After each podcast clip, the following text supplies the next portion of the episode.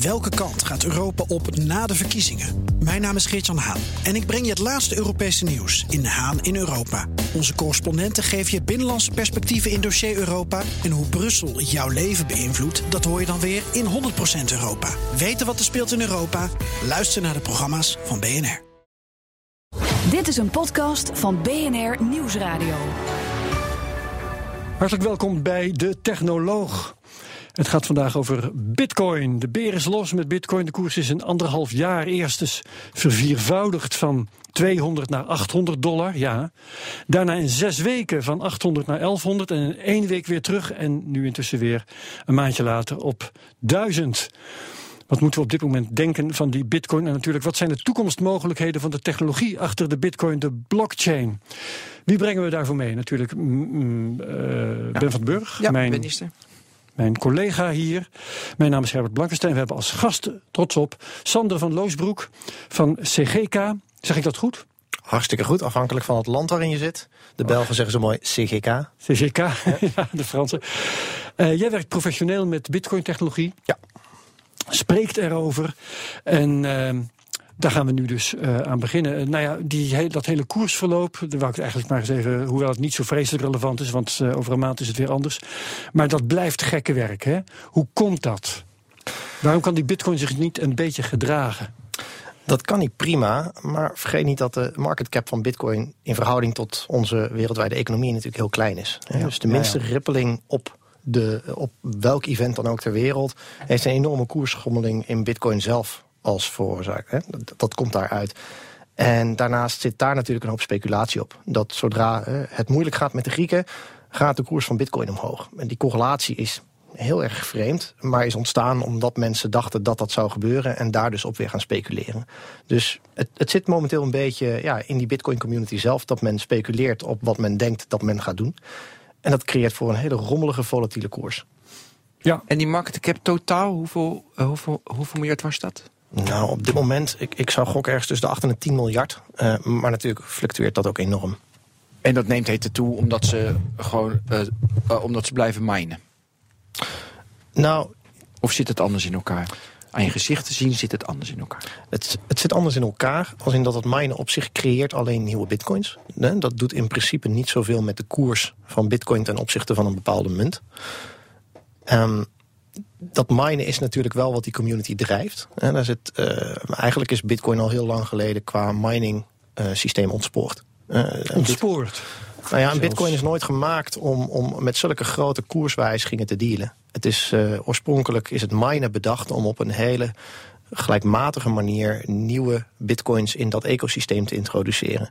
En omdat die koers ineens zo verschrikkelijk begon te schommelen, kreeg je hele vreemde beweging in die markt. En gingen mensen massaal investeren in het heel erg rendabel minen van die bitcoins. Uh, want, want ja, laten we eerlijk zijn, toen dat ding 30 cent waard was, uh, zat iedereen te minen op zijn zolderkamer met een pc'tje voor de lol.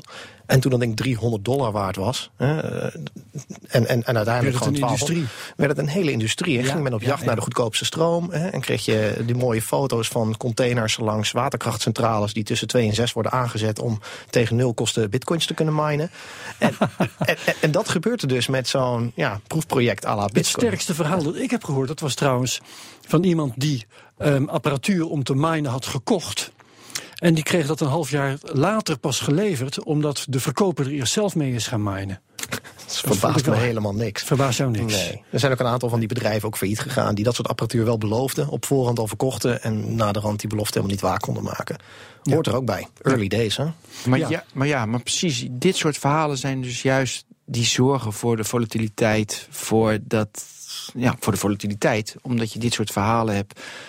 Ja, het is niet stabiel. Daardoor is het niet stabiel. Omdat iemand uh, die doet het inderdaad gratis met stroom. En de ander die zet een farm op in China. De ander gaat in Venezuela omdat het nu slecht gaat. Ja, maar is dat dan erg? Als je het ziet als een vergelijking van de euro... kan ik me dat probleem wel voorstellen. Maar het is natuurlijk geen munt. Bitcoin is een betaalmiddel. Het is een koppeling tussen bepaalde werelden. En bitcoin als munt is gewoon een binary option. Hè? Het is speculatie op stijgen of dalen. Meer is het niet. Ja. Maar jij, ik ben het niet met je eens. Je zegt het is een betaalmiddel. En eh, je, je kunt het wel gebruiken om te betalen. Dat zit in de techniek. Maar dat wordt natuurlijk heel weinig gedaan. Het is op dit moment veel meer een, een speculatiemiddel. Er wordt helemaal niet mee betaald in de praktijk. Precies.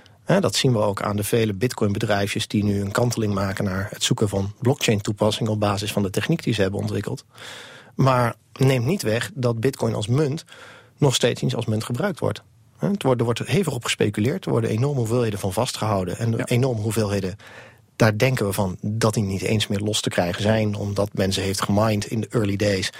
En dat ze kwijt zijn. Ja, op harde schijven die zijn zoek geraakt. Dus ja, op die vuilnisbelt. Hè. 5 miljoen lag daar. En dan is de business case dus, koop die vuilnisbelt. Hè, want hoe duur kan een vuilnisbelt zijn? Ga op zoek naar die laptop en je hebt 5 miljoen te pakken. Dus, Inderdaad. En dat is niet gedaan, want uh, je zegt het alsof het nog moet gebeuren. Nou, na een paar jaar mag ik toch hopen dat die vuilnisbelt is opgeruimd... en dat die laptop ergens op het schroot ligt. Maar het, het, ik weet niet of dat gedaan is. Het is natuurlijk, ja, juist ook vanwege die volatiliteit... zijn dat soort ja, dat soort kansen natuurlijk ook wel gewoon een groot vraagteken. Ja, maar voor de luisteraars die het verhaal niet kennen, dat is dus echt een, uh, een, een, waar gebeurd verhaal. Dat iemand zijn uh, laptop met daarop uh, x bitcoins heeft weggegooid. En we weten dat die op die en die vuilnisbelt moet liggen. En ze zijn ook wezen zoeken, maar hij is nooit gevonden. Nee, correct. Nee. Overigens, jij, jij zei net, je ziet in het koersverloop van de bitcoin als er iets met Griekenland aan de hand is. Maar het verhaal dat ik hoorde bij de laatste koers schommelingen. Dat was dat de Chinezen zich op de bitcoinmarkt hadden gestort. Ja, nou, het is, het is een slecht bewaard En waarschijnlijk niet alle 1,3 miljard. Nee, gelukkig niet. Maar dat hoeft ook niet. Het gaat erom van hoeveel, uh, hoe groot voor een aandeel maar, hebben die Chinezen nu in die bitcoin-industrie. Ja. En dan zie je dat uh, het grootste gedeelte van het bitcoin minen, hè, dus het creëren van nieuwe bitcoins, vindt plaats in China. Nu al. En dat heeft natuurlijk weer een impact op hoe groot is het vertrouwen in zo'n netwerk als meer dan de helft ervan in China staat. Ja, want, want wat er gebeurt met het netwerk, dat is een soort um, uh, overlegproces, een soort verkiezingsproces tussen de, de nodes die aan het Bitcoin-netwerk deelnemen. Hè? Uh mhm. -huh. Dus als meer dan de helft ervan in China staat, dan is dat licht problematisch, kan ja. ik me voorstellen. Ja, dat is al eerder gebeurd. Hè. Enkele jaren geleden was er één groep van miners. Hè. Die verenigen zich in een groep om hun kansen beter te verdelen met elkaar. En één groep had dus een aandeel van meer dan 50% in het totale netwerk. Maar gelukkig hebben ze op een beurs gezegd dat ze daar niks mee zouden doen. dat, dat, dat, zeg je op een manier uh, alsof je het niet helemaal gelooft. Nou ja, aantoonbaar is, dat is het fijne van een open en transparant netwerk... is dat je kunt zien of ze er wat mee doen of niet. Hmm. En dat hebben ze ook niet gedaan. Het is okay. vanwege de transparantie, is, daar zit een groot deel van die veiligheid En kun je nu ook zien dat al die Chinezen zich gedijst houden of niet? Um, ze hebben op, op die manier, hè, dus, dus het, het verkrijgen van een meerderheid op het netwerk en het manipuleren van, van het bezit uh, ervan, uh, dat hebben ze niet gedaan tot op heden. Da, daar moet je ook wel een bepaald aantal groepen voor verenigen. Dat is, dat is een lastige klus. En natuurlijk is dat dan het probleem dat stel je voor dat je dat lukt en je pakt dus meer dan 50% van dat aandeel van dat netwerk en, en je gaat dan dus manipuleren, ja, dan stort natuurlijk meteen de hele koers in elkaar. Want iedereen kan dat zien en dan is dat ding dus ook niks meer waard. Dus de manipulatie, is dat ook in verhouding tot vertrouwen in dat netwerk aan zelf? Is dat vertrouwen weg? Is de koers ook weg? Maar je, je zegt nu, het is niet als betaalmiddel, maar drie, vier, vijf jaar geleden. Bitcoin zou toen een betaalmiddel zijn. En nu is het alleen maar speculatie. Ja, daar ben ik dan teleurgesteld in. Want dan zeg ik van ja, dat is toch met die bitcoin. Blockchain gaan we het zo over hebben, top, top, ja. top, top. Maar dan denk ik, ja, het is niet de bedoeling geweest. Ik vraag me ook af of het ooit de bedoeling geweest is. Uh, ik, ik heb bitcoin altijd uitgelegd als een proof of concept van technologie. Om te laten zien dat waardeoverdracht tussen twee partijen op een onvertrouwd netwerk zoals het internet mogelijk is. Ik weet niet of de maker of makers ervan ooit de bedoeling hebben gehad om een wereldwijde munt op te richten. Ik, ik geloof het niet, ik lees het nergens in. Wat ik wel lees is een, een, idealisme dat transparantie belangrijker is dan heilige huisjes en silo's als het gaat om waardeverdeling. En dat doet die technologie prima. Die creëert die transparantie. Of die bitcoin nou die euro moet vervangen, even losstaand van toen de tijd de technische capaciteiten van die munt. Ik denk het niet. Ja, maar die mensen die nu uh, het duizend bitcoins hebben, die hebben toch altijd de hoop van: hé, hey, die kan ik inwisselen. En dan. Uh, nee.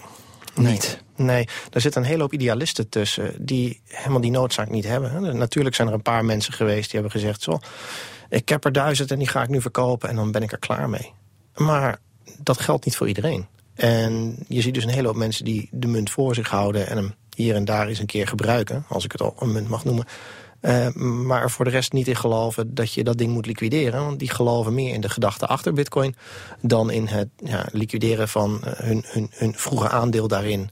en zo uh, op de korte termijn de winst te pakken. Grappig, want van de week heb ik een podcast beluisterd... Het ging over Venezuela, omdat het daar economisch zo slecht gaat. En uh, weet je, de inflatie is immens. Ja. En dan kopen mensen uh, dus op Amazon, kopen ze met bitcoins, kopen ze spullen. Want je kan die bitcoins kan je met een Amazon uh, weet je, card, kan je dat omruilen. En dan heb je een -huh. Amazon card.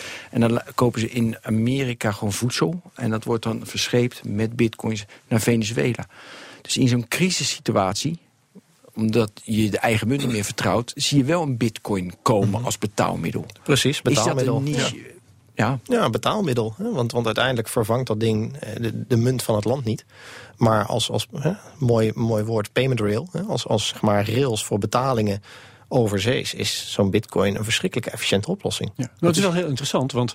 Um, het geval van China daar zoeken mensen volgens mij de bitcoin om hun geld veilig te stallen. En niet zozeer om te kopen. Maar het geval dat jij noemt van Venezuela gaat het wel degelijk om dingen kopen. Hoe ja. zit het met Griekenland eigenlijk, wat jij noemde? Nou, dat effect is nooit echt aangetoond. Okay. Want men, men, ziet een lichte koersstijging, maar men heeft geen enorme beweging gezien van Grieken die massaal gingen investeren in de bitcoin. Ik, ik zou ook niet weten waarom men dat gaat doen. Tenzij je inderdaad hyperinflatie verwacht op de korte termijn. Maar in Griekenland werd natuurlijk alles op slot gezet. Hè? Je kon maar zoveel kapitaal het land uitkrijgen. Ja. En lokale exchanges zullen nooit aan de vraag hebben kunnen voldoen die er op dat moment was. Dus die zullen misschien wel leeggekocht zijn, maar dan praat je over een paar honderd bitcoins per exchange die ze op voorraad houden. En daar houdt het dan op. Dus er zit een rem op. Ja. Maar ik vind het wel een interessante stelling dat ik echt niet zo beseft dat jij al opgeeft dat de bitcoin een betaalmiddel is. Venezuela uitzondering en daar gelaten, maar het is meer van hey, ik, heb, ik heb een bezit, ik speculeer daarop en ik hoef het nooit in te wisselen, want ik vind dat meer interessant. En als ik uh, 10 miljoen dollar aan bitcoin heb, ik zal dat nooit inwisselen, want ik hoef die boot niet, want ik ben een idealist. De, de, die conclusie trek ik. Kan ik ja. die trekken? Ja, nu ga je twijfelen als ik hem extreem maak met die boot en 10 miljoen. Ja, ik, ik weet niet, ik hoef geen boot zelf. Ik heb ook al die bitcoins nee, 10 niet. miljoen toch wel? Mm, ja, ik, ik, ik heb zelf geen bitcoins hè, momenteel. Uh, ik heb er destijds een aantal gekocht en verkocht. Uh, maar dan praat je zeg maar over een rendement wat gelijk stond aan het cadeau... wat ik voor mijn vriendin kon kopen na de rand. Dus dat was niet zoveel. Uh, wat, wat interessant is aan bitcoin is juist dat het een economie is onder onze munt. Dus als ik kijk naar hoe bitcoin in de toekomst efficiënt kan omgaan met microbetalingen... wat we ooit beoogd hebben met chippers, ja. chipknips en andere gefaalde ja. projecten... dan is die efficiëntie is, die is enorm. Daar kan met, de, met de, de aankomende technische zeg maar, opwaarderingen van bitcoin... kan die munt als microbetaalnetwerk fantastisch functioneren. En dan kunnen we dus denken aan, u bezoekt de BNR-site. wilt u een duizendste cent betalen voor het bezoek... in plaats van advertenties bekijken? Denk ik dat dat een zeer welkome toepassing is voor veel nieuwsites... om uh, dat neer te zetten op die manier. Waarom? Want dit hoor ik echt al heel erg lang. Ja, het is er het is er nog steeds niet. Nee, het kon ook nog niet. Dat kwam omdat uh, de, de bitcoin, hè, daar wordt veel over gesproken... van de, de, beperking van het aantal transacties per seconde op het bitcoin-netwerk. Die ligt momenteel nog steeds op tussen de zes en de zeven transacties. Uh, al een aantal maanden is het bitcoin-netwerk volledig uh, overbelast. Als in het gaat uren duren voordat een transactie daadwerkelijk oh ja, geregistreerd wordt. Ja. Komt dat ook door uh, de Chinezen, zal ik maar even zeggen? Of uh, wat is de nou, oorzaak daarvan? Nee, er zijn zoveel transacties gaande dat ze simpelweg niet meer in een blok passen. Dus ze gaan in de wachtrij. En die wachtrij wordt langer en langer. En er zijn een aantal interessante verbeteringen voorgesteld op het Bitcoin-protocol... die betalingen buiten die blockchain onmogelijk maken en ze later weer invoegen. En die verbeteringen staan nu op het punt om vrijgegeven te worden. Maar daar is het netwerk nu nog over aan het stemmen. En als die stemming doorslaat, ik geloof voorbij de 80 of 85 procent... dan worden die wijzigingen gerealiseerd. En dan wordt het dus ook mogelijk om inderdaad zo'n microbetaalnetwerk op te zetten... zonder dat het bestaande netwerk overbelast wordt. Dus er is wel degelijk, als het om betalingen gaat... is er een zodanig succes, notabene, dat het netwerk overbelast is. Dan, uh, ja, dan is het maar goed dat er niet meer gebruik gemaakt wordt van bitcoin-betalingen. Ja, nou ja, dat weten we natuurlijk niet we weten, we hebben geen flauw idee wat voor betalingen dat zijn. zijn dat mensen die uh, uh, ja, na elkaar speculeren? Of zijn het mensen die gewoon aan het testen zijn hoe het netwerk zich gedraagt? Er is ooit een test geweest waarin iemand 5 bitcoin heeft uitgegeven in de kleinst mogelijke hoeveelheid. Om te kijken wat er zou gebeuren met het netwerk. Dus eigenlijk een, een, een, een DDoS-aanval op het netwerk in de vorm van betaaltransacties. En het heeft drie dagen geduurd voordat het netwerk daar overheen was. En dat was een verschrikkelijk waardevolle test, want uh, daardoor kwamen bepaalde fouten aan het licht die natuurlijk eerder niet aan het licht kwamen. Dus het is ook nog, het is vroegdag. Men is echt nog aan het leren over hoe die technologie werkt onder bepaalde belastingen. En ik begreep dat er toen een test gepland was voor nou laten we dit trucje nog eens een keer halen, maar dan met 25 bitcoin. En kijken hoeveel weken we het dan plat kunnen leggen. Gewoon om erachter te komen van jongens, hoe werkt deze technologie nou onder een bepaalde druk? Maar is deze technologie dus nog heel erg een hobby, testen, intellectuele uitdaging om te kijken hoe het werkt. Maar voor de, de, zeg maar de innovators, maar de early adapters nog niet. Dus daar moet ik het plaatsen. Nou, dit is je bruggetje naar blockchain natuurlijk, hè? Want... Ja, ik wil ook nog, ik, nog niet helemaal. Ik wil nog oh, één ding wil ik ook nog vragen. Ik wil, ik wil ook nog over die Litecoin en de Ripple en de Solidcoin nou, en de PP-coin. wat moet ik daar allemaal? Ja, wat moet ik daar allemaal mee? Inwisselen voor Bitcoin. Ik, goeie vraag. Uh, er zijn er heel veel. Hè. Er zijn bijna duizend altcoins, uh, alternatieve munten met Ripple is een hele aparte overigens. Die, uh, dat was vroeger ook zo'n altcoin, maar is omgezet naar een commercieel product om betaalverkeer tussen banken internationaal mogelijk te maken. Ehm, daar zit dat Ripple muntje dan eigenlijk op een hele onhandige manier in verstopt, want dat hebben ze daar helemaal niet meer voor nodig. Dus ja, wat de waarde daarvan is, Joost mag het weten, die fluctueert wat, maar ja, daar kun je toch moeilijk in gaan beleggen. En dan voor de rest heb je een Litecoin, hè, uh, zeg maar Bitcoin Silver wordt dat ook wel eens Ether genoemd. is tegenwoordig uh, Ether. een hot topic. Ja, totdat het in tweeën werd gedeeld natuurlijk. Toen was het lastiger. He, zo van, je, je, hebt, je hebt Ether, he, dus je hebt dat muntje. En dan vervolgens beslisten uh, de mensen in dat netwerk van... goh, we gaan het netwerk in twee delen. He, vanwege die grote hack die er was gebeurd op het contract. En eigenlijk knip je dat, dat dus... moet ik even uitleggen voor de mensen die, die niet weten. Er was een of ander investeringsfonds geschapen ja. in die munt Ether. En die werden prompt beroofd. Ja, er zat een, er zat een contractfout in. Dus, dus het investeringsfonds was in code vastgelegd als contract op die blockchain. En daar zat een fout in. Waardoor iemand opdracht kon geven om geld uit dat investeringsfonds te laten sijpelen. En dat te parkeren in een kluisje en dat een maand later op te halen. En het was een hele beleefde persoon, want hij heeft maar een derde gepakt van die totale investerings, uh, van het investeringskapitaal. dat was zo'n 60 miljoen. En ja, maar dat laat hij toch in de chain zitten. Ik bedoel, hij haalt het niet uit, want hij hoeft die boot niet. Dus hij, dat was een andere. Die pakte wel dat geld. Die heeft er wel ingewisseld voor, do ja. voor dollars. Ja.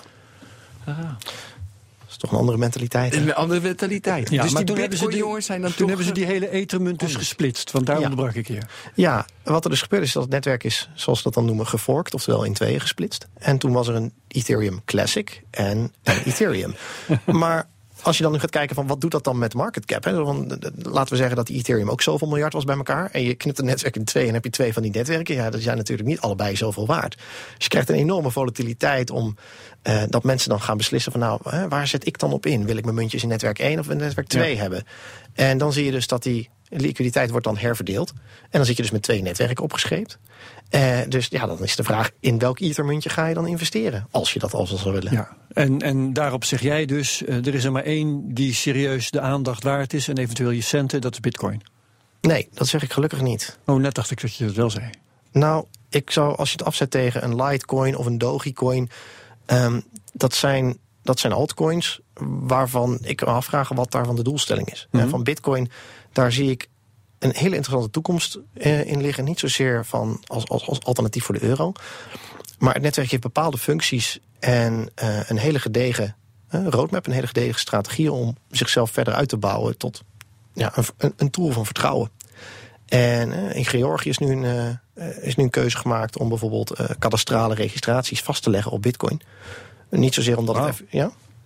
Ja, nee, ja, mooi. Ja, ja, ja, ja, ga verder. Hang aan je lippen. Nou, uh, kom dichterbij zou ik zeggen. Maar wat men dus eigenlijk wilde met die technologie is zeggen we, nou, we hebben, we hebben natuurlijk niet zozeer een automatiseringsprobleem, maar we hebben een, een corruptieprobleem. Namelijk, we moeten kunnen vaststellen dat een overboeking van een kadastraal goed op zo'n manier gebeurt dat, dat dat altijd traceerbaar is. Ja, en daar is zo'n bitcoin natuurlijk een heel stuk verder mee dan ons bestaande kadaster. Dus met een ander probleem ja. ter grondslag is zo'n keuze voor zo'n decentrale technologie, die ook niet door een overheid zelf te corrumperen is, is heel interessant. Ja, en dan komen we bij de Dan komen we bij de blockchain. Oh, mooi, mooi, ja, mooi. Graag ja, zelfs. oké. Maar één opmerking nog voordat we eraan beginnen.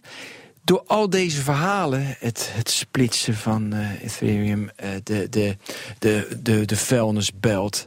Door dat soort verhalen is het niet zo gek dat, serieus, ja, dat heel veel mensen dit bitcoin daar met een schuin oog naar kijken niet zo serieus nemen.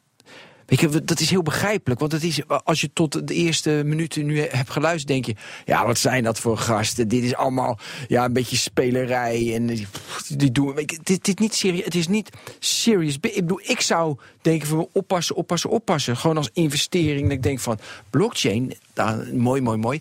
Dus daar moet je wel voor oppassen in de hele positionering, naar mijn idee, van de bitcoin. Want daar gaat naar mijn idee gaat veel fout. Of, is, uh, of, of volgens jou niet?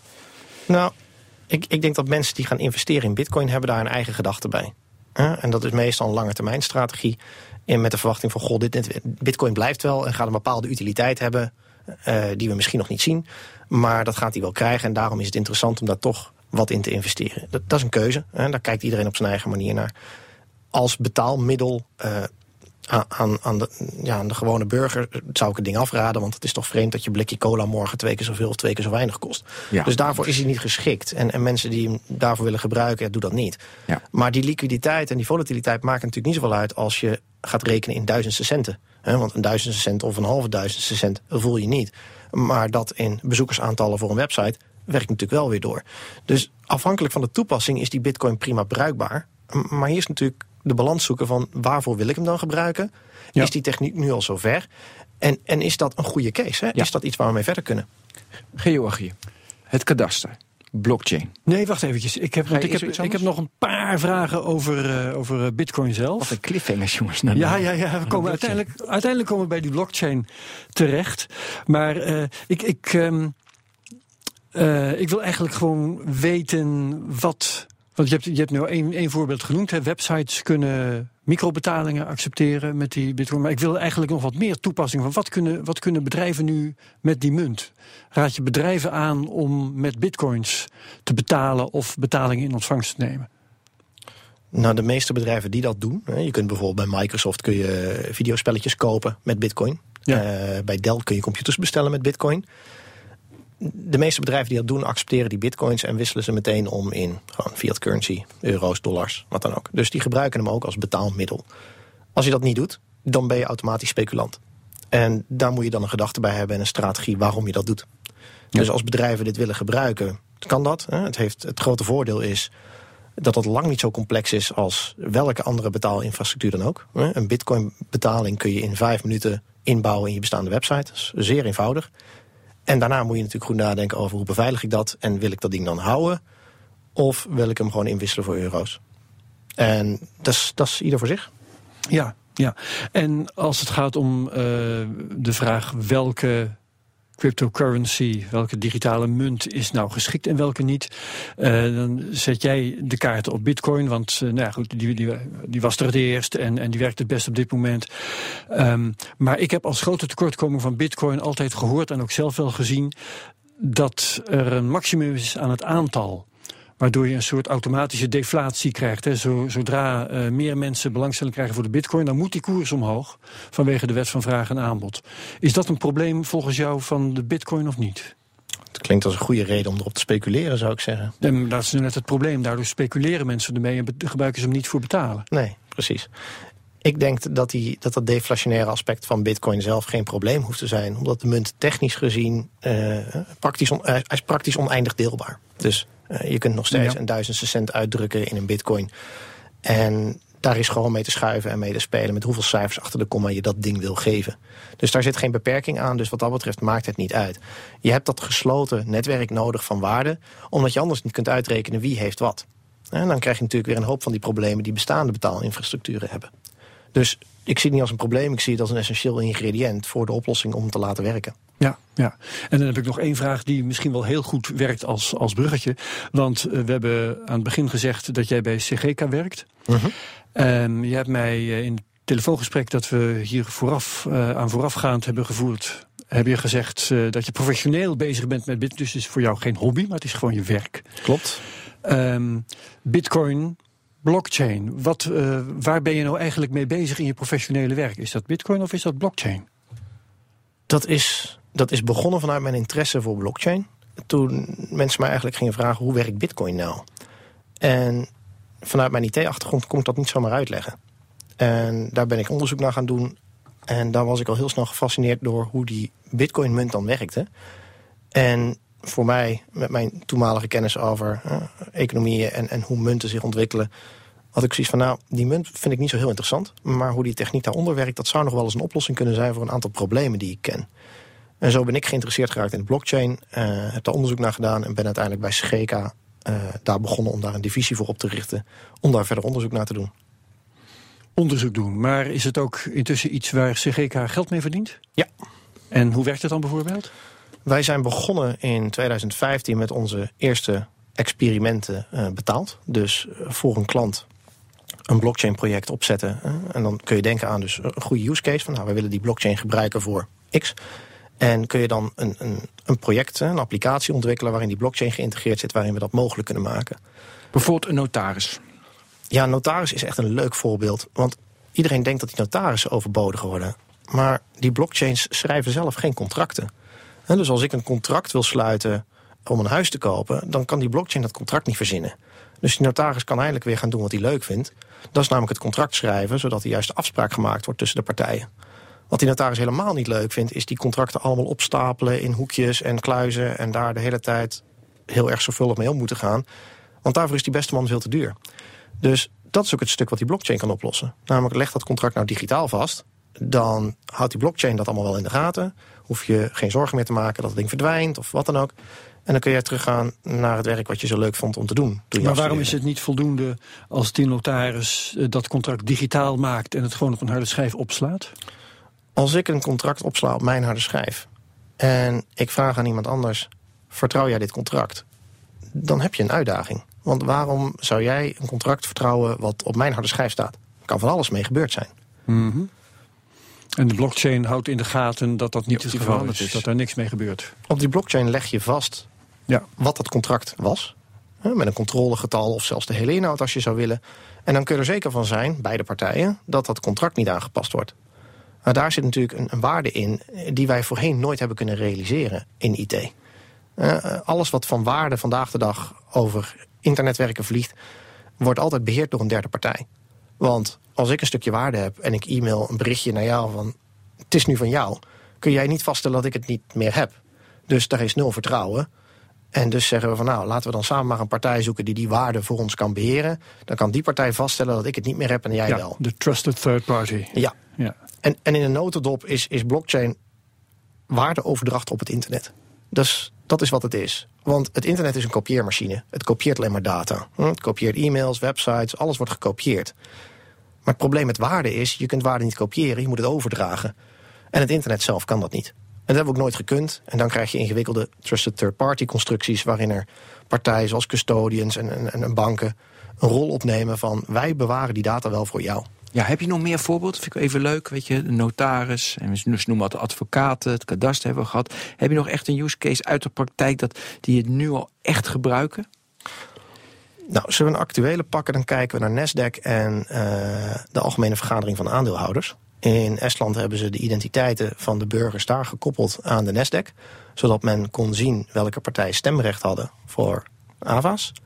En die partijen konden zo stemmen op de blockchain zodat er geen discussie meer was uh, wie wat had gestemd. Gewoon bij politieke verkiezingen? Nee, dit was voor uh, beursgenoteerde ondernemingen. Oké, okay, pardon. Ja. Maar het waren wel stemmen. Stemmen van aandeelhouders? Juist. Voor hun onderneming? Juist. Oké. Okay. En dat wordt nu nog, hè, dat is nu een papieren business. Je moet een proxy aanstellen, zeker als je in het buitenland zit. En dat is best wel een uitdagende case. Want ja, ga maar naar zo'n proxykantoor. Dan moet je achteraf maar zien dat de juiste stem is uitgebracht. Hoe weet je dat dan? Nou, dat weet je eigenlijk niet. En de blockchain kan daar natuurlijk een hele mooie rol in vervullen. Want je kunt je stemrecht ook vastleggen op een blockchain. Ja. En dan kun je achteraf wel zien wat er is gestemd. Maar zonder dat jij weet met welke identiteit er is gestemd... Uh, blijf je anoniem, maar je kunt wel je proxy controleren. Ja, buiten dat het uh, nou secure is... En, uh, en je weet precies wie er heeft gestemd... hoeveel kosten bespaar je daarmee? Ik wil gewoon de business case, wil ik een beetje. De, business case is enorm. Ja, volgens mij ook. Want, maar ik vraag, ik vraag naar bekende weg, maar ik wil even getal. Weet je, want als ik dit hoor, denk ik... wow, niet meer met een papieren stem, geen controle meer. Ik, ik, ik denk meer dan een factor 10. Hè. Het disruptieve punt is factor 10. Nou, daar ga je makkelijk overheen. Eh, al is het maar omdat het bestaande traject met, met, met al die custodians en, en, eh, en trustkantoren die ertussen zitten, eh, die kunnen eruit. De uitdaging is en blijft natuurlijk wel, hoe stel ik mijn identiteit vast? En dat is op, in blockchainland is dan een andere discussie. En wij zijn gewend dat onze identiteit digitaal beheerd wordt door een partij. Ook door zo'n trusted third party. Eh, in het geval van DigiD is dat de overheid. In het geval van eh, IDIN, recentelijk geïntroduceerd, is dat de bank. We hebben natuurlijk Facebook als identiteitsleverancier. eh, het, desbekende Logius nog, DigiNotar. Allemaal van dat soort partijen die zeggen... wij zijn eigenlijk jouw digitale identiteit en jij mag daar wat mee doen. En in het land van blockchain gaan we eigenlijk terug naar wat wij gewend zijn. Dat is namelijk, ik definieer mijn eigen elektronische handtekening. Daar heb ik helemaal niemand voor nodig. En andere partijen kunnen daar wat van vinden. En waar, en waar definieer ik dat dan? Nou ja, net zoals op de basisschool. Hè? Ik geef je een vel papier en een potlood. En ik zeg, krabbel jij eens je mooie handtekening, jongen. Nou, die ga je de rest van je leven gebruiken. En zo werkt de blockchain ook. Dus je start het programma op eh, waarmee je een verbinding legt met het blockchain-netwerk. En de eerste keer genereert hij een elektronische handtekening op jouw computer. That's it. En de enige truc is om die te blijven gebruiken. Ja, ik zou hem niet kwijtraken. Je kunt wel weer een nieuwe maken natuurlijk. Ehm, dat leidt dan weer tot problemen bij partijen waar je dan een andere handtekening hebt gebruikt. Dat zijn bekende problemen, die hebben we allemaal al opgelost. Moet je wel over nadenken. Ja, dus ik heb mijn identiteit, mijn blockchain-identiteit. En dan is bijvoorbeeld met dat stemmen voor dat beursgenoteerde bedrijf. Dan eh, log ik met mijn identiteit in. Ik, weet- Dit is een leuke, hè? Want waar probeer- log je dan in? Ja, daarom. Dus nee, maar ik probeer even de use case helemaal stap Ja, ja. voor stap. Ja, dat is goed om er een voorstelling bij te Ja, krijgen. daarom. Hoe gaat het nou eigenlijk? Eh, Als je ik- gaat stemmen, log je dan in? Want Nee, dat is echt ja. de vraag. Nou, ik denk bij dat bedrijf, be- zeg maar de aandeelhoudersvergadering, want die hebben we nu, die zeggen van joh, je kan nu met je, jouw identiteit ben is X, ben X, kan je daar je naam zeggen, ah, je bent ben X, en dan kan ik stemmen. Ja, weet het niet. Het is lastig, hè? Want Ja, wij denken nou, we zijn al zo lang gewend aan login name, wachtwoord, alles bewaren. Maar in een decentraal netwerk log je niet in. Want het is open. Ja, maar hoe stem ik dan? Ja, je stemt met je handtekening. Net zoals je nu ook stemt. Je krijgt een stemvelletje en daar zet je een krabbeltje op en dat doe je in een bus. En bij blockchain creëer jij zelf een transactie met daarin jouw stem met jouw elektronische Maar wat handtekening. zie ik op mijn scherm? Zoals jij wil dat je het ziet, kunnen wij het maken. We maken feitelijk gewoon een webpagina en daar staat in: wilt u A of B stemmen? En zodra jij zegt: ik wil B stemmen, dan zetten wij de blockchain client op jouw computer in, hè, dus het stukje blockchain software. En die maakt dan een transactie aan met jouw elektronische handtekening en het lettertje B. En die stuurt die het blockchain netwerk op. En die eindigt dan als stem in die blockchain. Ja, dus That's ik, it. ik krijg een URL, ik ga naar die pagina, ik klik op B en dan komt dat in de blockchain en dan heb ik gestemd. Waar zou die pagina dan staan? Ja, daarom. Ja, ik ga even verder. Hè. Ja, precies. Die staat gewoon op Amazon Web Services. Nee. Maar dat is dan toch weer een centrale pagina. Ja, ja, ja. En daar zit natuurlijk die valkuil van... Ja, maar op een decentraal netwerk, waar staat het dan? Dat is, dat is, dat is een vraag voor velen. En Ja. misschien ook wel goed om te beantwoorden. Overal en nergens. Ja, klopt. Ja. En daar hebben we al lang niet meer zo moeite mee. Want als ik vandaag de dag naar BNR Nieuwsradio surf... dan staat die website niet hier beneden in de kelder. Hoop ik. Tegenwoordig staat die overal. Die wordt geschaald en gedeeld en load balanced. Google weet zelf al niet meer waar zijn data staan. Nee, en dat is ook prima. Dat is helemaal niet erg. Zolang we maar weten... Laat het los, Ben. Laat het los, Ben. Ja, nou, maar ik zit ook te denken dat in de trend van, eh, weet je, eh, weet je eh, zeg maar centralisatie, mainframe computers, kregen we een PC, dus dat wordt decentraal. En daarna, eh, weet je, dus wat is de volgende stap? Weet je, nu is dat alles weer decentraal op een, zeg maar, in allemaal clouds, weet je. En moet je nu weer kleine, centrale, moet je het weer bij jezelf houden? Je, dus zeg maar die discussie, daar zit ik ook aan te denken. Of, Nou, de, analogie met mainframes is mooi. Hè? Want bij mainframes was de data en de, en de logica van de applicatie was één. één, ja, precies centraal. Ja, en toen gingen we met elkaar eh, eh, eh, applicatie georiënteerd programmeren en, en allerlei andere trends. En gingen we dus de programmacode en de data met elkaar scheiden. En nu hebben we dan blockchain. En in zo'n smart contract applicatie op een, op een Ethereum blockchain breng je data en applicatiecode weer bij elkaar. Dus, uh, Zoals main, dus weer centraal? Nee, niet centraal. We brengen wel applicatie en data bij elkaar, maar dan decentraal. Decentraal dus we brengen bij elkaar? Uh, ja, we tiktakken in de IT-industrie, net zoals serieel en parallel. En er zijn heel veel van die IT-trends die de hele tijd Slingers, terugkomen. Slingerbewegingen uitvoeren. Zeker. Ja. Ik heb een technische vraag over die, over die blockchain. Want uh, dat zeg jij vaak in dit gesprek intussen langs je neus weg. Dan zet je dat in de blockchain. Um, gaat het dan telkens over die blockchain die ook voor bitcoin wordt gebruikt? Nee, er zijn heel veel verschillende blockchains. Dus afhankelijk van ja, welke toepassing je wil ontwerpen maken wij ook een keuze naar welke blockchain is dan het beste om te gebruiken. Soms is het wel die bitcoin blockchain. Hè? Dat, dat, kan, dat ja, zeker. Het, het, want uh, de vraag die ik daarover heb, die is deze. Ik, uh, ik heb een tijdje geleden heb ik wat bitcoins gekocht. Uh, dus intussen, ik denk drie, vier, vier jaar geleden denk ik wel. Um, en toen had ik een Bitcoin wallet. En voordat je die in gebruik kon nemen, moest je eerst die hele Poco blockchain downloaden. Ja. Dat was, ik geloof dat het toen 3 gigabyte was of zo. Niks hè, eigenlijk. Precies, want uh, ik heb toen de hele tijd niet naar mijn bitcoins omgekeken. Uh, ik had een verhuizing en een verbouwing. Ik weet niet, allemaal geen tijd voor. Dus die uh, hele bitcoin wallet die is in de vergetelheid geraakt. Onlangs dacht ik, ik zou toch eens even kijken, mede gezien de ontwikkelingen, hoe het daarmee gaat. Dus toen moest ik opnieuw zo'n uh, wallet installeren. En dan moest ik opnieuw die bitcoin, uh, sorry, die, ja, die blockchain downloaden. 80 gigabyte is het intussen, geloof ik. Ja, ja. Ik bedoel, dat ding groeit alleen maar. Want dat is de administratie van de, alle bitcoins ooit. Wat er ooit mee gebeurd is, alles zit daarin. En dat ding groeit alleen maar. Um, en intussen worden daar dus allerlei andere transacties ook aan vastgeknoopt. Niet alleen die bitcoin, maar sommige van de dingen die jij nog genoemd hebt... die worden daar dus ook aan toegevoegd. Dat loopt uit de hand. Ik bedoel, gaat dat wel goed? Wanneer wordt dat een bestand dat echt niet meer te behappen is? Dat is niet echt zo'n probleem, hè? Zo'n 80 gig past ook op de gemiddelde mobiele telefoon tegenwoordig. Ja, ik vond het voor mijn huidige harde schijf vond ik het best een hele hoop. maar als ik zo naar jouw laptop kijk, en dan denk ik dat het dat er wel op past. Ja, het past er ook wel op. Ja. Het, het, uh, ja, het was nog niet het eind van de wereld. Dus nee, maar het is, het is een Kijk, 80 gigabyte. Maar ik vond het niet leuk. Alleen al de tijd om het te downloaden. Nee, maar dat is in drie jaar van 3 naar 80. Laten we hem even zo doen. Dus over drie jaar is het weer uh, keer 25. Oké, ja. Zoiets. Als ik tegen eender welke bank dan ook zou zeggen dat al hun transactiedata van de afgelopen jaren 80 gigabyte was, dan denk ik dat ze heel blij waren. Want dat zou een hoop IT-kosten schelen. Lekker weinig, ja. Het is helemaal niks. Dus ja, in de hoeveelheid der dingen en in de schalen, zo, stelt 80 gigabyte niks voor. Nee, maar antwoord even Als dat zo doorgaat, dan is het dus over drie jaar is het 25 keer 80. Ja? En, en, zijn dat dan problemen? Dat past nog steeds op, een, op één ja, harde schijf. Die, die, die harde schijven groeien mee. Die groeien eh, veel harder dan die bitcoin-transacties. En de bandbreedte is waarschijnlijk ook. Dat ook. Huh? Glasvezel. Ja, maar wil je er een massaproduct van maken? Want dan zitten we weer in Innovates Early. Wil je... Eh, maar wil je hier een massaproduct van maken, dan, dan ga je ervan uit dat niet iedereen die hele blockchain thuis gaat zitten downloaden. Er zijn een aantal partijen zijn die dat zeker zelf wel willen doen. Dan ja, ga je er zijn wallets waarbij dat niet hoeft. Er zijn wallets gewoon als, als webservice waar je naartoe kunt surfen en daar stuur je dan je bitcoins naartoe, die beheren dat. Daar zit natuurlijk wel weer het risico aan vast dat als die niet goed beveiligd worden, dan kunnen ja. de bitcoins verdwijnen. Ja, ja, ja, ja. Dus het is weer een keuze die in ieder zelf maakt. Kies ik voor gebruiksgemak. En daarnaast mag je ook afvragen wat is het verdienmodel daarvan. Want al die wallets zijn tegenwoordig gratis. Terwijl daar verschrikkelijk veel geld wordt gespendeerd aan het, aan het adequaat beveiligen daarvan vreemd verdienmodel. Hè? Zo van waar verdienen ze dan hun geld? Nou, vroeger hoopten ze hun geld te verdienen aan transacties of wat dan ook. Nou, dat valt natuurlijk allemaal vies tegen. Dus dat soort businessmodellen staan allemaal onder druk. En die, ja, die zullen wel moeten kantelen van welke dienst lever ik nu? Hoe doe ik dit? En, en ja, maar geef eens antwoorden op die vragen.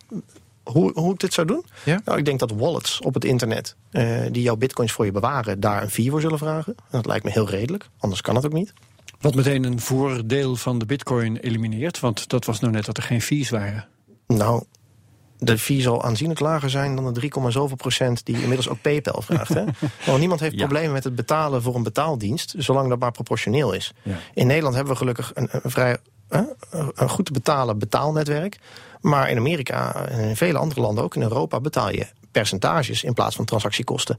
Ja, een blockchain uh, op, oplossing zoals Bitcoin veegt daar de vloer mee aan. Dat, dat zal uiteindelijk heel veel goedkoper zijn. In het begin was het zelfs nul. Ja. Maar iedereen voelt wel aan dat dat niet klopt. Hè. Dus het netwerk werd een beetje gesponsord door hobbyisten. Nou, inmiddels staat daar wel een redelijke transactiefee tegenover. Al is het maar om je transacties sneller te laten verwerken. En wat is die fee dan? Weet ik momenteel niet. Zou ik moeten nakijken. Maar hij is geen nul meer. Nee, dus dus nee. 10 Maar- cent of zo, 20 cent. Ik heb geen idee. Oké, maar in, in de orde van dubbeltjes per transactie. Ja, Ook al gaat het om een miljoen. Ja, ja. Ja. ja. Ja. Scheelt toch? Dat is goed nieuws. Ja. Ja. Ik lees al die banken die doen al die pilots met blockchain. Wat voor pilots doen ze dan? Eh, Banken zijn, zijn zoekende naar wat voor impact gaat deze technologie nou hebben op onze Ja, organisatie. het is defensief, hè? Ik, ehm, het is inmiddels is het marketing. Dus Oh, wacht.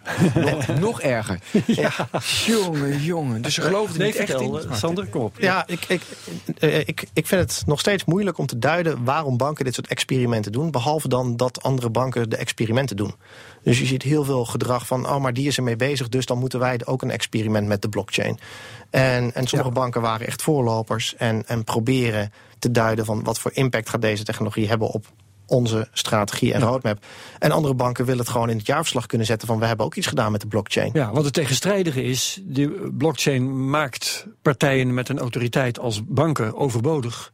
Dus wat brengt het banken dan om daar zelf mee te gaan experimenteren? Nou, ervan uitgaande dat de blockchain een aantal veranderingen zal, hè, zal resulteren in een aantal veranderingen over hoe wij met waarde en waardeoverdracht kunnen omgaan. Eh, De trend is al gezet door PSD2-wetgeving. Die zegt al dat banken niet langer het monopolie hebben op de betaalrekening van de consument. Dus die controle wordt al langzaam, moeten banken die los gaan laten aan andere partijen die daar dienst op aanbieden. Dat straks de hele betaalrekening ook niet meer door een bank hoeft te worden bijgehouden, maar ook in zo'n blockchain ledger kan staan, is ook zeker niet ondenkbaar. Nou, Daar zullen een DNB en een ECB ook een rol in gaan spelen. Die onderzoeken dat ook allemaal. hè. Maakt ook niemand een geheim van, vind ik ook heel positief. Maar de vraag aan banken is natuurlijk, welke dienstverlening biedt een bank nog Ja. op zo'n blockchain. Nou, het fijne is, die blockchain maakt nog steeds zelf geen geld. Dus wil je geld lenen, dan zul je toch dat moeten lenen van een organisatie zoals een bank die dat kapitaal voor je kan creëren. En het andere wat een bank natuurlijk kan, is een hele goede risico-inschatting maken of een lening al dan niet verantwoord is. Op die punten hebben zij, hebben zij heel veel kennis in huis. Die zij, of het nu een blockchain is, of cashgeld, of giraalgeld, die kennis is waardevol. Dus de truc is, hoe zet je die kennis nu in? wetende dat blockchain over x aantal jaar realiteit is. En dat is mijn inziens hun uitdaging. En een aantal banken zijn daar ook echt serieus mee bezig. Hadden banken zo vroeg met eh, die blockchain moeten gaan werken dat ze nu hadden kunnen doen wat jij bijvoorbeeld bij CGK doet? Ik, ik denk dat ze niet vroeg genoeg hadden kunnen beginnen. En, en ik probeer banken altijd aan te moedigen om sneller te gaan. Hè, De technologie en de ontwikkelingen gaan heel snel. En sommige banken veroorloven het zich om te zeggen... ja, het schaalt nog niet en de transactievolumes zijn te laag... dus we laten het nog even liggen. Maar als we kijken naar hoe snel de technologische ontwikkelingen gaan... in relatie tot blockchain... kun je dat eigenlijk niet meer veroorloven. Nee, want als je pas begint wanneer het al schaalt, dan ben je te laat. Zeker. Nou ja, je kan ook een, eh, een fast follower zijn. Ja, Nou, dat is nogal moeilijk als je kijkt naar de bestaande, eh, bestaande IT-omgeving van banken. Dat is natuurlijk... eh, dat is een probleem. ja. Juist. Al die legacy. ja, Die en, en hoe knoop je nu die legacy aan een nieuwe betaalrealiteit zoals blockchain? Geen idee. Dat is een, echt, dat is een heel lastig vraagstuk. Want dat gaat voor mij nooit lukken. nee, dat is ook mijn theorie. Want ik denk dat banken op een gegeven moment moeten concluderen dat het niet meer gaat. En dat men opnieuw moet beginnen. En dat hadden ze ja. eigenlijk al veel eerder moeten doen. Als we kijken naar hoe lang hè, onze klanten doen met een IT-systeem, dan is dat maximaal 10 jaar. En daarna zeg je, jongens, stekker eruit, we beginnen opnieuw. Eh, of men zegt, elke vijf jaar doen we een goede upgrade en dan houden we het nog wat langer vol.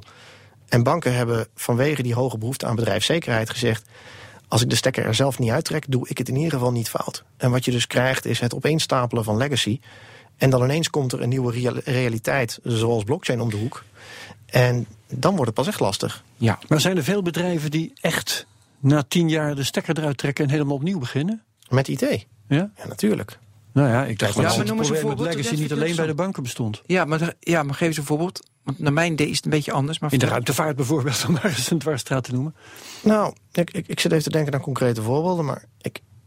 Ja, Nou, ik wil je best geloven als je zegt dat Nee, het nee, nee, gebeurt. nee, nee, maar ik zie het veel meer van. Je hebt heel veel legacy, heel veel troep. Nou ja, sorry, legacy.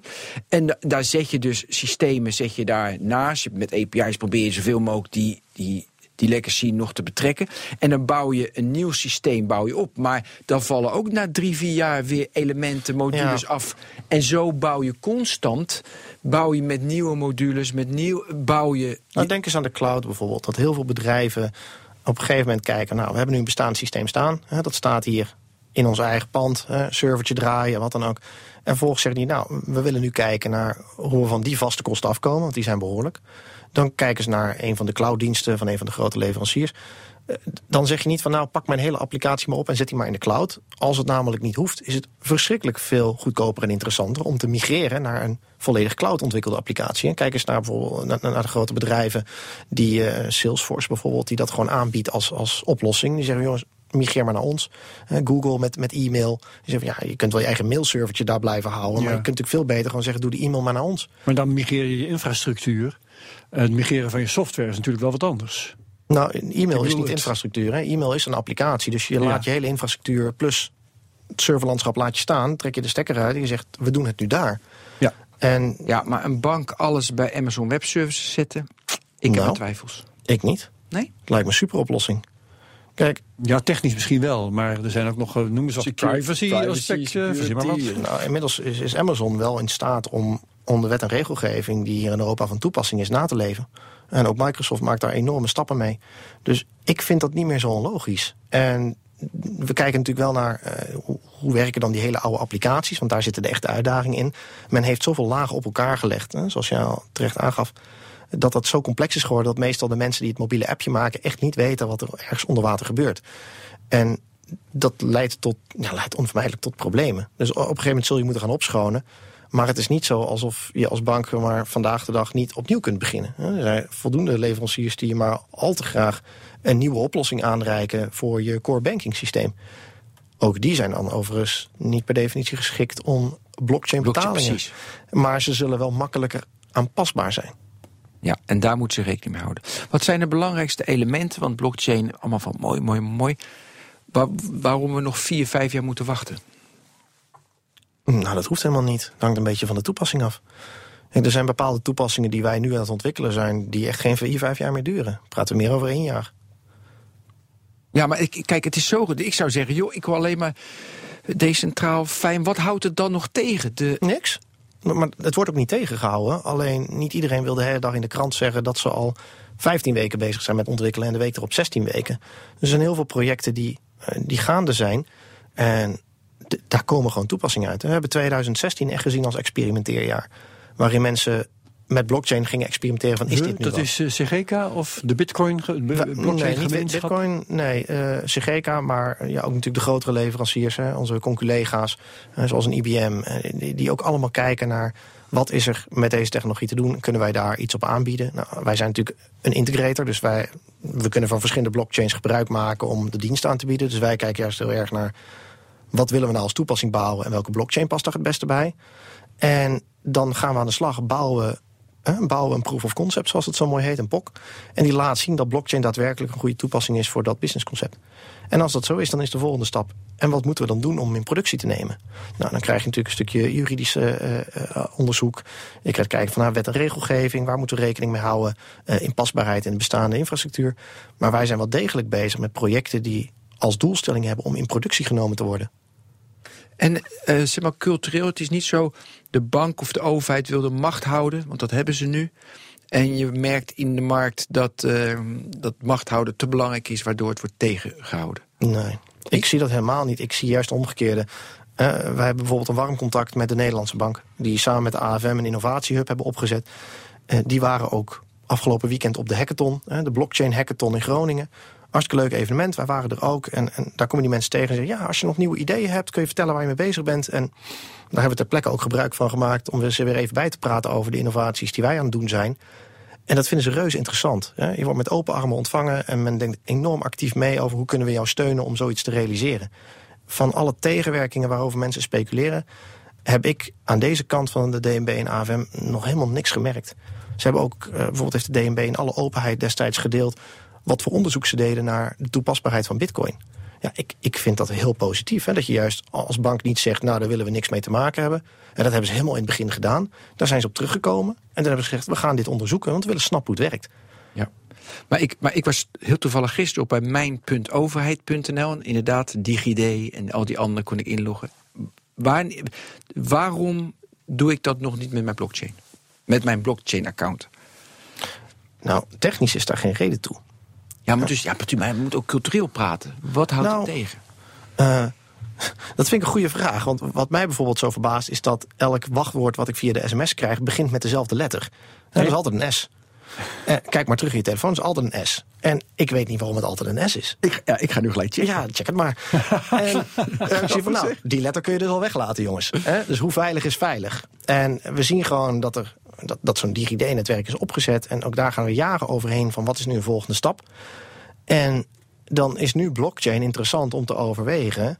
Zo van, nou, als we nu een nieuwe stap gaan maken met digitale identiteiten... zouden we dat met deze technologie ook heel goed kunnen doen. En dan is de vraag hoe geïnteresseerd is de overheid daarin... en hoe, hoeveel stappen neemt men vooruit? Nou, veel. Hè? We weten dat er binnen de Nederlandse overheid projecten zijn... waarin men het gebruik van een, een, een identiteit om blockchain-infrastructuur aan het verkennen is. En tegelijkertijd heb je natuurlijk ook een enorme grote industriële lobby... die zegt nee, alles moet op een smartcard... en eh, level of assurance 4 en allemaal van die dure security termen... zonder dat überhaupt echt is onderzocht of dit gelijkwaardig is of niet. Uh, heb je dus ook te maken met dat soort lobbyistgroepen. En, en er zijn veel bedrijven in de securityhoek die, uh, die daar hun geld mee verdienen. Maar dan krijg je zoiets als de EIDAS, EIDAS-wetgeving... die aan de ene kant uh, heel duidelijk uitlegt hoe al die ingewikkelde certificaten en inlogmechanismes moeten werken op Europees verband. Dat is helemaal geschreven naar hoe de techniek vandaag de dag niet blockchain werkt. Maar dan staat er ergens helemaal in het begin van die wetgeving van deze wetgeving is technologie-agnostisch. En, als er nieuwe, ja, ja. en als er nieuwe, wet, uh, nieuwe technologie is die dezelfde functionaliteit realiseert, dan moet dat mogelijk zijn.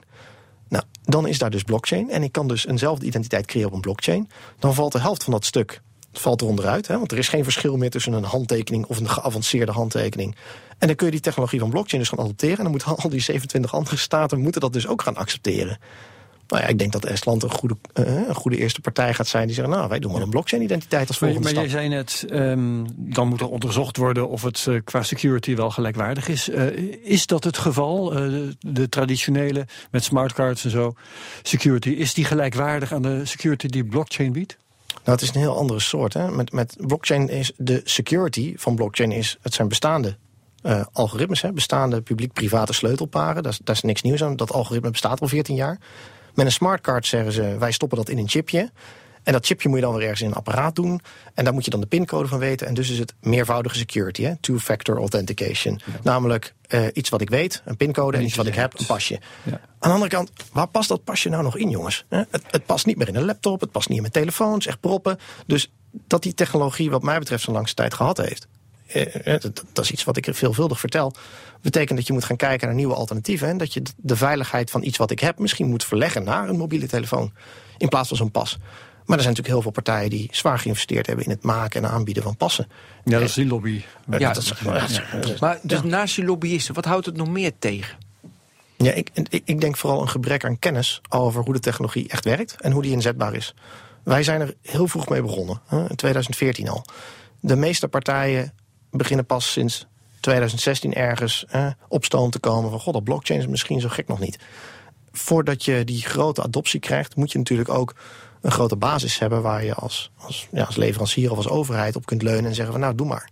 Maar als de overheid nu een blockchain experiment wil doen... dan is het voor een overheid zoeken naar de juiste partijen. En, en voordat de overheid dus kan kiezen uit... nou, dit zijn onze standaard leveranciers... die kunnen dat momenteel niet aanbieden. Of ze kunnen het aanbieden, maar ze hebben geen capaciteit. Gebeurt ook. Wat is op dit moment de mate van groei in blockchain-toepassingen? Kun je daar een uh, cijfer voor verzinnen? Nou, dat, wat is, ik geloof dat er 1,4 miljard in geïnvesteerd is. Dus, mm -hmm. dus de investeringen in blockchain-technologie. Ja, in Nederland? Nee, wereldwijd. Dat is niks. Nou, vind ik toch aanzienlijk. Nou ja, wat, als ik ja, maar dat, is, dat wordt irrelevant als, als, het, als het 100% per jaar groeit. Wat is, kun je een groeicijfer verzinnen? Nou, als ik kijk naar onze eigen organisatie, dan zien we dat sinds begin dit jaar dat, uh, dat we een verdubbeling zien aan concrete interesse en aanvragen van kun je uh, een aanbesteding doen. Sinds begin dit jaar, dus ja. in anderhalve maand Zo. tijd. Ja, in, in, dit jaar zien we, zien we echt gewoon de interesse actief naar ons toe komen van jongens, we weten dat jullie dit kunnen, kunnen jullie voor ons een aanbieding doen. Ja, en ja, dat was dat ook een beetje spectaculair. Onze, dat, dat, zijn, dat zijn uh, de begindagen van het World Wide Web cijfers. Ja. Maar dat is ook een beetje onze verwachting. Hè? Iedereen wilde in 2007 een experiment doen. Heeft dat gedaan, heeft geleerd van god, daar moeten we verder mee. En dus in 2017 gaat men dan een slag professioneler van... laten we nu een partij zoeken die hem niet alleen kan bouwen... maar die hem ook kan onderhouden en kan ondersteunen. En die hem ook kan aanbieden. En ja, dan gaan partijen van zeg maar, het kleine hobbyproject... Eh, naar ja, grotere partijen kijken. En ja, daar vallen wij dan onder. Dus wij zien een, een, toenemende interesse in onze dienstverlening op het gebied van blockchain. En ik verwacht dat andere partijen dat ook zien. Dat is in ieder geval de signalen die ik uit de markt oppik. Ja, en dat is een plotselinge groeispurt? Of was dat eigenlijk vorig jaar ook al zo? Wat, uh, is, nee, is, is, dit een, uh, ik, ik, verwacht echt dat, uh, ik verwacht echt dat het in de roadmap stond voor 2017. Het is 2016 experimentenjaar geweest. En, en in 2017 zeggen die partijen dan gaan we een stap verder. En dat is, dat, dat is in de industrie ook veel gehoord. Hè? En, bepaalde grote blockchains die door veel partijen met veel interesse gevolgd worden, zoals die van IBM, zoals die van, van een R3. Er is een IBM-blockchain. Uh, nou, die is niet van IBM, maar IBM is wel de partij die het hardst aan die kar trekt. Uh, dus de IBM uh, Hyperledger project. En Hyperledger is een blockchain gemaakt voor grote bedrijven... die dus intern zaken willen doen. en dat eventueel willen delen met andere bedrijven. Nou, die is uh, ergens... echt een wereld voor me open bent. Ja, ja mij ook. Nee, maar ik, weet je, ik kijk nu even op de site. Ja. Dus nee, Bolletje bijvoorbeeld. Wat doet Bolletje dan? Logistiek. Ja, het bolletje zelf, ik weet niet of Bolletje nee, blockchain doet. Ze maken beschuit. Maar wat doen jullie met... met, uh, met wat, waarom, waarom is de klant van jullie? Wat, doen, wat vragen ze aan jullie? Logistiek? Op, op het gebied van blockchain ja. uh, momenteel niets. Oké. Okay. Uh, noemen ze an, zeg maar Koppert. dat is... Koppert. ja, Koppert ken je? Dat is met die zaadjes. Uh, dat is een bedrijf uit het Westland. Ja, jij zit natuurlijk nu op onze, onze ja, global zit... site te kijken. Ja. Uh, we, hebben, we hebben nog maar... een apart subsiteje over blockchain. Oké, okay, noem daar eens klanten. We hebben een paar genoemd, ja. even concreet. Want we zitten nu in die flow van... Nou, heel concreet is, is KBC. KBC. Grote Belgische bank. En, oh ja, tuurlijk. Ja, sorry. Ja. ja. Hartstikke groot. En, en daar doe je een pilot mee? Nou, daar hebben we meerdere pilots mee gedaan. En een van hun pilots is, is een commerciële aanbesteding geworden. Die momenteel loopt. En Daarin hebben ze een consortium opgezet met zes andere banken... om dat blockchain-experiment groter neer te zetten en in productie te nemen. Oké, okay. als jij nu onbeperkt budget hebt, je hebt 100 miljard... en je houdt van de blockchain, wat ga je doen? Poeh, moet ik ze allemaal opnoemen? um, nee, maar dan weten wij namelijk wat we nodig hebben... om het zo te creëren, de wereld, zodat het mogelijk wordt voor je. Nou, wat met blockchain, uh, wat je in ieder geval wil doen... is het identiteitenstelsel neerzetten op zo'n manier... dat je identiteiten kunt gebruiken over meerdere blockchain-infrastructuren. Want die identiteit maakt een hoop mogelijk. Ik wil makkelijk kunnen verifiëren wie wie is. En tegelijkertijd, uh, als die infrastructuur er is... maak je het ook mogelijk om applicaties erop te ontwikkelen... die daar gebruik van maken. En of dat nu stemmen is of goederen kopen op marktplaats of wat dan ook. Dat volgt allemaal wel. En en daar bedoel je mee, uh, identiteit, ik heb pas mijn blockchain naam. Op Twitter kwam dat voorbij, denk nou, ik maak hem ook aan. Dat bedoel je, dat ik mijn eigen blockchain naam Was dat op OneName? Volgens mij OneName werd even populair. Ja, ja, ja, OneName is, is, is een tijdje populair. OneName is zo'n dienst waarbij je inderdaad een identiteit kunt creëren op de Bitcoin blockchain. En ja, onder die identiteit kun je jezelf kenbaar maken aan andere diensten. Wat natuurlijk in sommige gevallen genoeg is. Hè. Stel je voor, ik wil een abonnement afnemen bij Netflix. Waarom zou ik dan zeg maar, naam, adres, woonplaats moeten invullen? Dat is allemaal niet nodig. Ik moet gewoon video's kunnen kijken. Dus dat kan ook met zo'n identiteit. Dat heeft nog een ander groot voordeel. Vandaag de dag moeten al die bedrijven moeten al die informatie opslaan. Ja. Wat natuurlijk een enorm risico is. Want datalekken zijn aan de orde van de dag. Als bedrijf sla je al die informatie op omdat je er iets mee moet of omdat je denkt dat het moet. En vervolgens loop je alleen maar risico en haal je er geen rendement uit. Ja, al, al, die webshopjes bijvoorbeeld. Een webshop die levert een digitale dienst, maar slaat we al die gegevens op. Dan zeg ik van joh, uh, laat mijn blockchain-identiteit zien, zodat ik weet wie je bent of ik weet in ieder geval voldoende van je. En dan kunnen we ook zaken doen. Ja. Even inventariseren. Ik, heb, ik vind dat we nog twee minuten hebben. Oh, Ik heb nog twee vragen. Wat wil jij nog weten? Nou ja, maar nog even, even, even op doorgaan. Dus die OneName heeft nu mijn gegevens. Dus... OneName heeft geen gegevens van jou. Er is geen OneName. OneName is een protocol. Het is geen server. Ja, dus dat zit niet op een centraal server en, die, en daardoor heb ik een naam. En je wil dat dus groot maken. Dus je hebt dat die, die 100 miljard, dat iedereen dat doet. Dat iedereen dat zijn blockchain-naam heeft. Kan doen. Oké. Dus dat zijn een van de elementen. Ja, ik kan nog uren doorgaan, maar ja. jij me vragen, want we hebben nou, nog maar twee minuten. Jij noemde net, Sander, een, eh, een hackathon in Groningen, geloof ik. Hè? Ja. Wat gebeurt er op zo'n hackathon? Kun je dat kort vertellen? Op de hackathon, uh, wat wij hebben gedaan, is in ieder geval samen met, uh, met KPMG hebben wij een applicatie gebouwd om uh, pensioenuitvoeren mogelijk te maken op een blockchain. Nou, wat je dan laat zien is het concept. Dus je, je gebruikt die technologie, je maakt er een mini-applicatie van die laat zien, goh, hoe werkt dit nu? En dat zijn een hele hoop mensen aan het doen. Die hebben allemaal hun eigen ideeën. Er waren in dit geval een aantal stromingen. Eh, pensioenen en, en, en, logistiek en overheid. En die konden allemaal laten zien van... goh, wat, wat zou je dan in zo'n stroom als blockchain-applicatie willen ontwikkelen? Nou, dat levert heel veel inspiratie op. Hartstikke leuk. Uh, toffe omgeving. Veel mensen ook om, uh, om mee te praten en na te denken over... waar is dit nou nuttig voor? Ja. En na anderhalve dag, uh, of twee dagen in dit geval, was het voorbij. En dan krijgen mensen prijzen en dan gaan ze naar huis. Goed. En dan als laatste... Um ik weet dat jij op uh, 9 maart betrokken bent bij een webinar. Yes. Dat heet Blockchain. Hoe begin je eraan? Ja. Nou, mijn vraag is natuurlijk, wat, wat ga je daar doen? Ik kan me er een vage voorstelling van maken, maar zeg dat even in een paar woorden, zodat mensen die daar eventueel dat willen bijwonen online, dat die dat kunnen. Ja. Uh, wat wij organiseren is, is eigenlijk een webinar voor iedereen die geïnteresseerd is in deze technologie en er ook echt mee aan de slag wil. Uh, in ieder geval CGK een bedrijf wat houdt van aanpakken in plaats van praten. Dus wij willen gewoon mensen handreikingen geven van wat zijn nou eerste stappen om met deze technologie aan de slag te kunnen. En het gaat erover welke blockchains kun je dan gebruiken. Wat heb je nodig als developer zijn om aan de slag te gaan? Of hoe, hoe kun je met de concepten omgaan om zelf na te denken over wat er met deze technologie mogelijk is? En zo proberen we mensen eigenlijk te inspireren om, om aan de slag te gaan met deze technologie zodat we er niet zo lang op hoeven te wachten. Ja, kost geld? Nee, je bent van harte welkom. Geweldig. Jij nog wat, Ben? Nee, ja, ja. U, urenlang. Maar we moeten nu stoppen, dat doen we ja, een andere we keer. geven het op. Ja. Dit was De Technoloog. Het ging over bitcoin en blockchain. We hadden als gast Sander van Loosbroek, werkzaam bij CGK. Uh, de groeten van Ben van den Burg en Ja, van ondergetekende bedankt. Herbert Blankenstein. En heel graag tot de volgende week, tot de volgende Technoloog.